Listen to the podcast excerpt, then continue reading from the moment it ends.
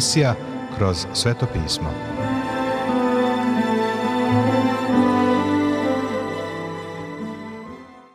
Dobroveče, poštovani slušaoci i dobrodošli u još jednu emisiju programa Kroz sveto pismo, programa koji je za vas napisao Vernon McGee, a pročitao Branko Bjelajac.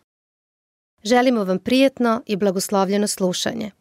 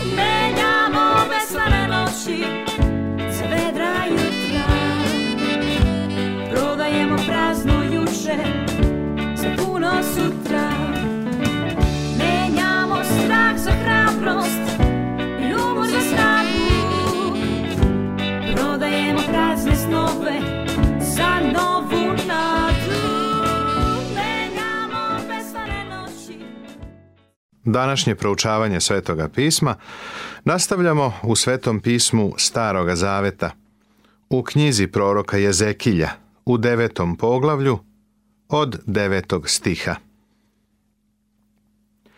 A on mi reče, Bezakonje doma Izraelovog i judinog preveliko je, i puna je zemlja krvi, i grad je puno pačine.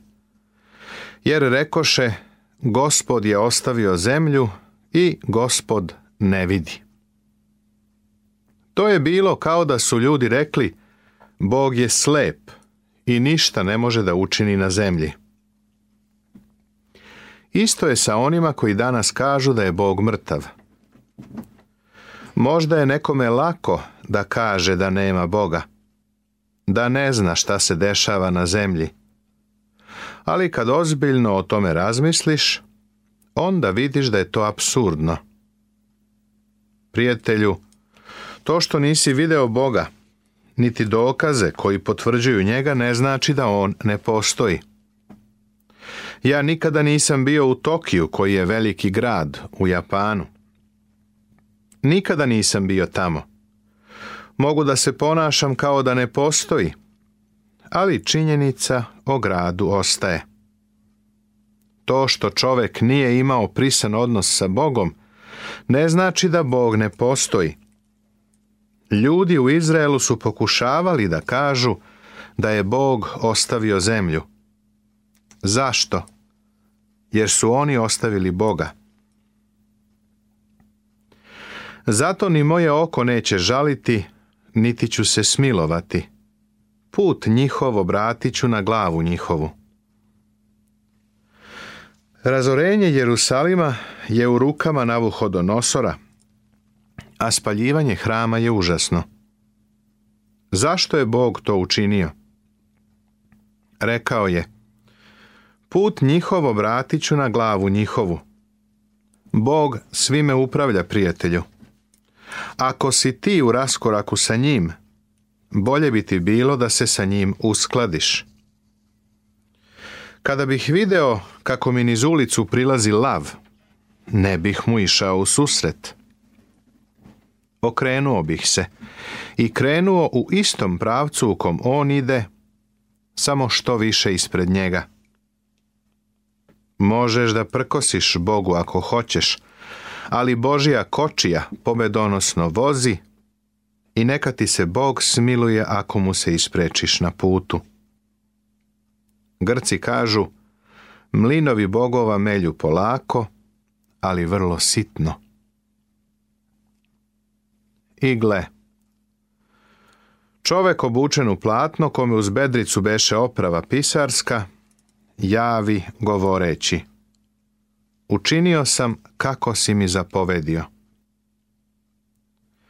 Bilo je onih koji su tražili sud, a bilo je i onih koji će se spasiti. Naš Bog je milostiv kada mu se ljudi obrate. Ta činjenica čini da je njegov sud još više zastrašujući. Šekina slava ispunjava svetinju. U desetom poglavlju nastavlja se Jezekiljina vizija o odlasku gospodnje slave. Bog je nadprirodno prebacio Jezekilja u Jerusalim da bi mu pokazao sve ovo, a onda ga je vratio da da izveštaj najvećem delu Izraelaca koji su već bili roblje u Vavilonu. Lažni proroci su im govorili da je sve u Jerusalimu u redu, i da će se ubrzo vratiti. Jezekilj će otići kod njih i reći će im zašto će Bog razoriti grad i zašto će dozvoliti da sud padne na njih. U osmom poglavlju smo vidjeli da je postojao dovoljan dokaz za greh u životu naroda u Jerusalimu. Bog je to očigledno pokazao Jezekilju. Treba da uvidimo činjenicu da Bog sudi. To je jedan od dokaza da imamo živoga Boga. Ne izvlačimo se sa grehom, a sama ta činjenica je dokaz da Bog postoji. Točkovi u točkovima koje je Jezekilj video govore o Božjoj snazi kojom se On kreće u ljudskim dešavanjima. Slava gospodnja je bila iznad heruvima, između heruvima i svetinje nad svetinjama u hramu. Izrael je imao ono što drugi narodi nisu imali, kao što to danas nema ni crkva vidljivo Božije prisustvo. U devetom poglavlju poslanice Rimljanima apostol Pavle nabraja osam različitih tačaka identifikacije ili prepoznavanja koje su jedinstvene za izraelski narod. Jedna od njih je slava. Ovaj narod je imao šekina slavu, vidljivo prisustvo Boga – ono koje je Zekilj video u prvom poglavlju. Slava je počela da odlazi još u prethodnom poglavlju, a sada će nastaviti sa tim. Krenula je iz hrama i prešla preko njega. Sada čitamo. Potom videh, igle, na nebu koje beše nad glavama heruvima, pokaza se nad njima kao kamen safir, na oči kao presto. I progovori čoveku obučenom u platno i reče, uđi među točkove pod heruvimima i uzmi pune pregršti žeravice između heruvima i razaspi na grad. Čovek obučen u platno treba da raspe to ugljevlje sa oltara. Krv žrtve je uzeta sa oltara i stavljena na zaklopac pomirenja. Ovo ugljevlje govori o sudu. Narod je odbio Božiju milost i blagodat, pa sada mora da podnese sud. To je tako jednostavno Bog je poslao svog sina jer te voli. Pošto je on svet, morao je da plati kaznu za tvoj i moj greh. Morao je da umre na krstu. Hristos je naše izmirenje, zaklopac pomirenja za naše grehe. Ne samo za naše, nego i za grehe celoga sveta postoji zaklopac pomirenja kod kojeg možeš doći, ali ako ga odbaciš, na tebe će doći Boži sud. Hristos je podneo taj sud, a to je jedini način na koji ti Bog prašta. Ne prašta ti zato što si sladak mali dečak, niti fina devojčica. Ti si grešnik koji se pobunio protiv Boga – Najbolje što danas hrišćani mogu da kažu jeste da su spaseni grešnici. Uopšte nismo neki nadmoćni ljudi. Sada će sud doći nad Jerusalim, nad grad koji je centar zemlje.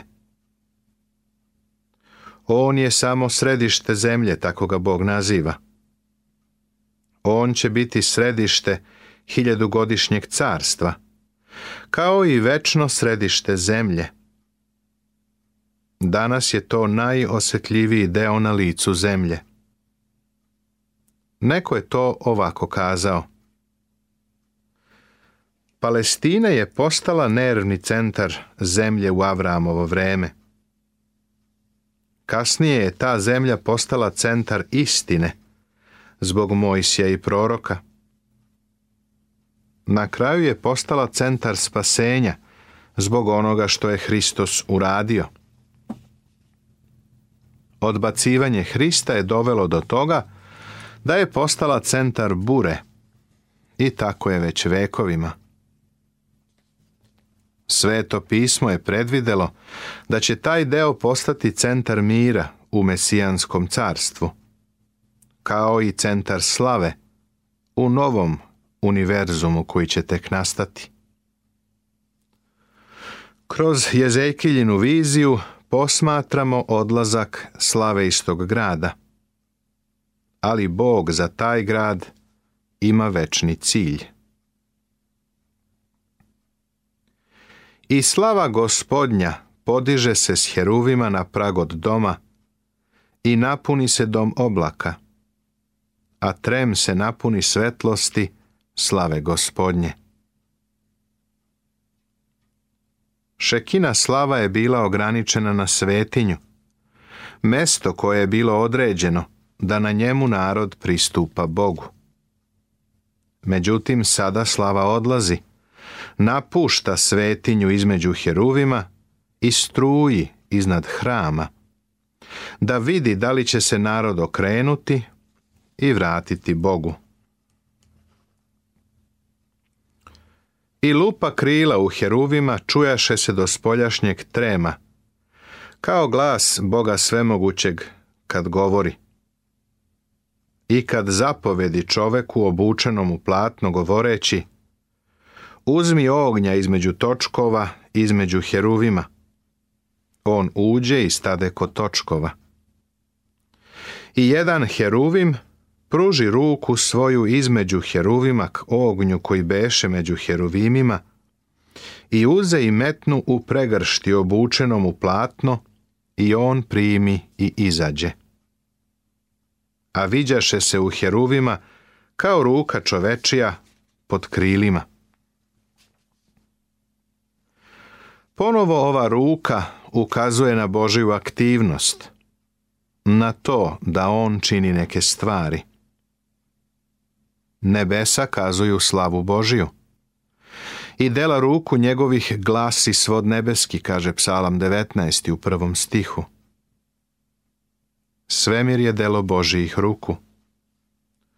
Ali je Božije delo izbavljenja čoveka veće od njegovog dela stvaranja. Isaija je rekao, Ko verova propovedanju našem i mišica gospodnja kome se otkri, kaže knjiga proroka Isaije u 53. poglavlju prvom stihu. Jedini način na koji mogu da shvatim Božije delo je korišćenjem poznatih termina. Prste koristim da bih uradio neke stvari. Šake koristim za druge zadatke, a ruke za teže poslove najveće delo koje je Bog učinio, jeste ono što je uradio na krstu Hristovom. To je divno delo ljubavi. To je bila mišica gospodnja koja se otkrila. Ali kada je Bog stvorio svet, koristio je samo prste. Ili kako je to John Wesley rekao, Bog je stvorio svemira, nije ni pola snage iskoristio. Jezekilj ovdje kaže da se Božja ruka pokrenula na sud. I videh i gle. Četiri točka kod heruvima, po jedan točak kod jednog heruvima, i točkovi behu na oči kao kamen hrisolit. Da li si nekada posmatrao kako se točak okreće? tada zasvetli kao neki dragi kamen. Ovi točkovi neprekidno se kreću i govore o činjenici da Bog stalno deluje. Gospod Isus je rekao, Otac moj stalno radi, pa radim i ja. Ovo je 17. stih petog poglavlja Evanđelja po Jovanu. Gospod Isus je vrlo zauzet u radu za nas, još otkad se uzneo na nebo. I na oči behu sva četiri točka jednaka. I kao da je točak u točku. Kad iđahu, iđahu sva četiri, svaki na svoju stranu. I idući ne skretahu, nego kuda gledaše glava onamo iđahu, i idući ne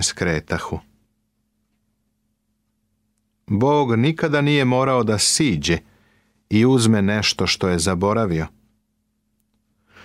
On ne mora da se savija sa jedne na drugu stranu. Nikada ne skreće sa puta. On ide pravo napred ka ispunjenju svoga cilja u svetu. a sve im telo i leđa i ruke i krila i točkovi. Sva četiri točka njihova behu puna očiju svuda okolo. a točkovi se zvahu kako čuh kola. A četiri lice imaše svaka životinja. Jedno lice heruvimsko, drugo lice čovečije i treće lice lavovo i četvrto lice orlovo.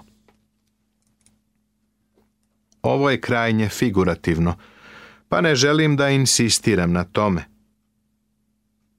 Ali verujem da pred nama imamo poruku četvrtog evanđelja. U liku orla vidimo Hristovo božanstvo. To je Jovanovo evanđelje. U liku lava je oslikano Hristovo carstvo. Lav iz plemena Judina. To je Matejevo evanđelje. U liku čoveka je oslikana Hristova ljudska priroda. To je Lukino evanđelje. Na kraju je lik heruvima. Nekada piše lice vola. I ono oslikava služenje Hristovo. To je Markovo evanđelje. On je svoju krv prolio da bismo mi imali večni život. On je načinio zaklopac pomirenja. U hramu je Heruvim gledao ka dole, na krv žrtve. I podigoše se Heruvimi u vis. To behu iste životinje koje videh na reci Hevaru. Jezekilj se ovde poziva na prvu viziju koja je zabeležena u prvom poglavlju knjige proroka Jezekilja, Svetoga pisma Starog Zaveta. Slava napušta hram. I slava gospodnja otide iznad praga od doma i stade nad heruvime. Slava gospodnja se podiže iz hrama. I heruvimi, mahnuvši krilima, podigoše se od zemlje predamnom polazeći. I točkovi prema njima. I stadoše na istočnim vratima doma gospodnjeg. I slava Boga Izraelovog beše ozgo nad njima. Heruvimi se podižu i slava odlazi i staje na vratima. To behu iste životinje, koje videh pod Bogom Izraelovim na reci Hevaru i poznah da su heruvimi. Svaka imaše četiri lica i četiri krila i kao ruka čovečija beše im pod krilima. I lica im behu ista koja videh na reci Hevaru. Obličja behu ista isti behu. Svaki iđaše pravo naprema se. Verujem da ova vizija oslikava činjenicu da će Bog postati telo. Ili kako je apostol Jovan rekao, i reč se ova ploti. Nastavit će se. Nisam što gledaju kako da drugima nanesu bol ali sve oko mene bilo je tako tako bolno nepromenljivo gledam u nebo o Bože da li čuješ moj glas ljubavi malo samo to mi treba o Bože budi meni spas Nisam bio od što hodaju gradom Da bih se osvetio za život što živih Nisam krivio druge jer sam sam sebi to priredio Ja sam jedan od onih iz čijeg se srca čuo krik Bože ako te ima u moj život dođi daj mi samo malo samo malo ljubavi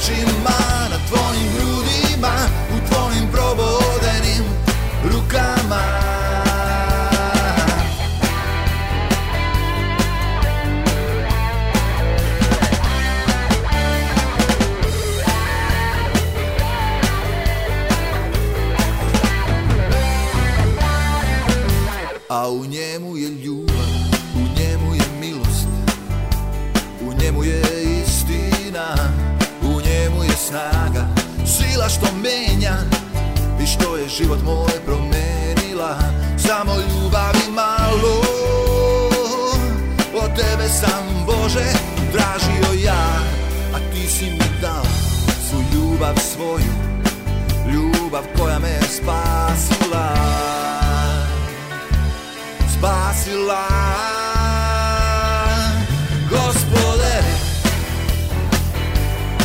o, Želim da budem samo tvoj I vodi me Jer ljubav sam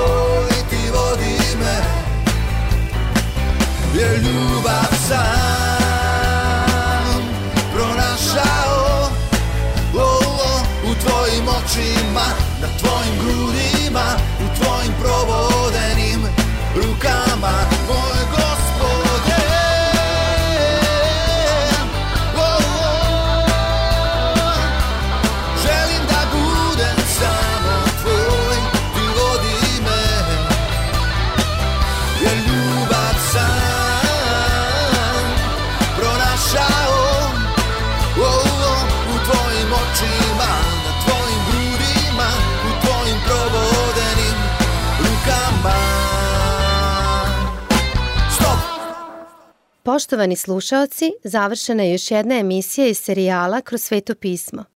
Ovaj program možete da slušate svakog radnog dana na talasnoj dužini od 1548 kHz u vremenu od 22 sata do 22 sata i 30 minuta.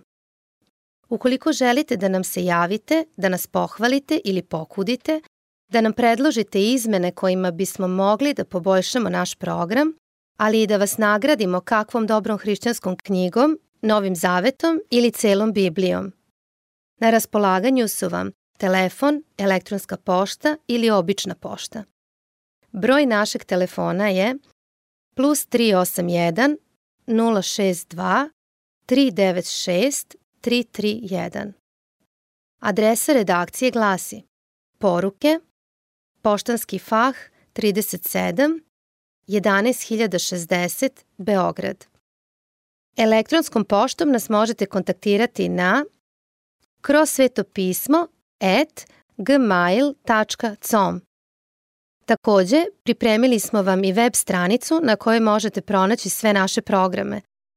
Adresa web stranice je www.twr.com serbia.org. To bi za večeras sa naše strane bilo sve. Pozdravljaju vas i žele vam Boži blagoslov Branko, Nebojša i Monika. Laku noć.